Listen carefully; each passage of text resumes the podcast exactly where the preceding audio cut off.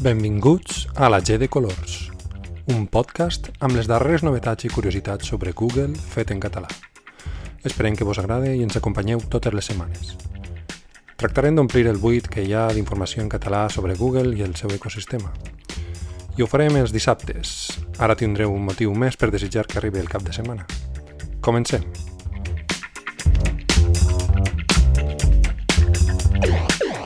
Google i Renault estan treballant en un vehicle centrat en el programari.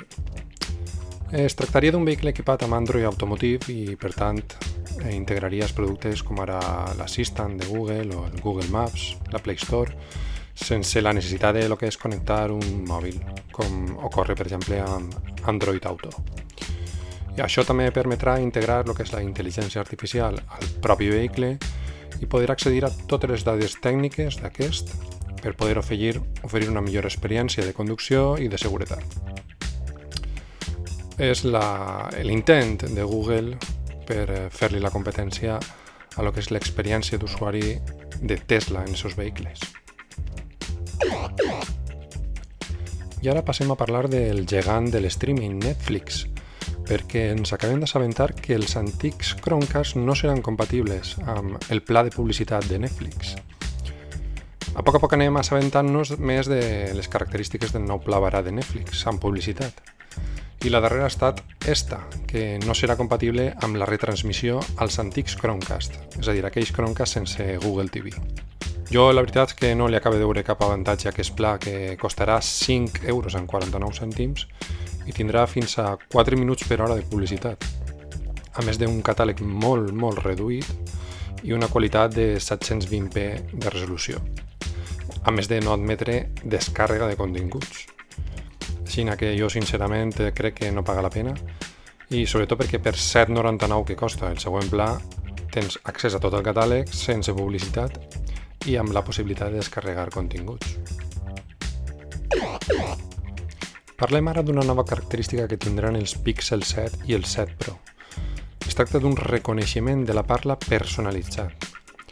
Gràcies al xip Tensor 2, el Pixel 7 i el Pixel 7 Pro seran capaços de reconèixer l'estil personal de parla del seu propietari i aprendran com pronuncien determinades paraules per fer cada vegada més acurat aquest reconeixement.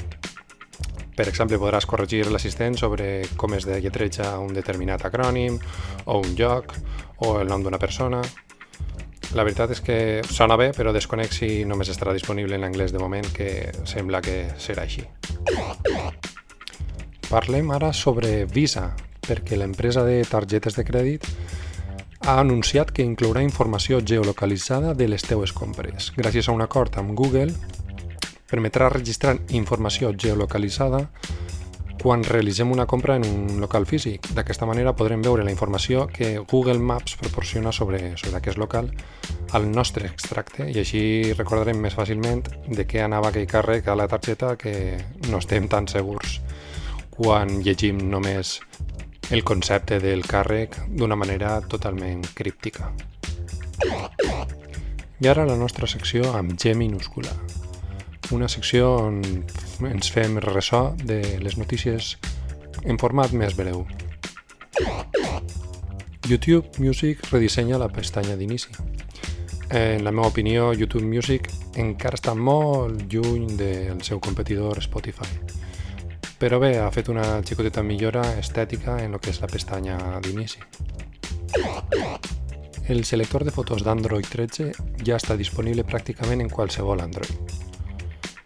Gràcies a l'actualització de seguretat del mes de novembre, ha fet que aquest selector de fotos que ja podíem disfrutar en Android 13 estiga disponible en dispositius antics, inclús a partir de la versió Android 9. Google retirarà l'aplicació dedicada de Street View. Street View continuarà estant disponible dins de lo que és Google Maps, però desapareixerà de la Play Store i de la App Store de iOS com a aplicació independent. I així finalitza aquest pilot de el podcast La G de Colors. Espero que us hagi agradat i si és així continuarem. Recordar-vos també que teniu disponible un butlletí setmanal a l'adreça lagdecolors.cat on podreu seguir tota, totes aquestes notícies d'una manera més ampliada i rebre-ho directament al vostre correu electrònic. Salutacions i recordeu, no sigueu malvats.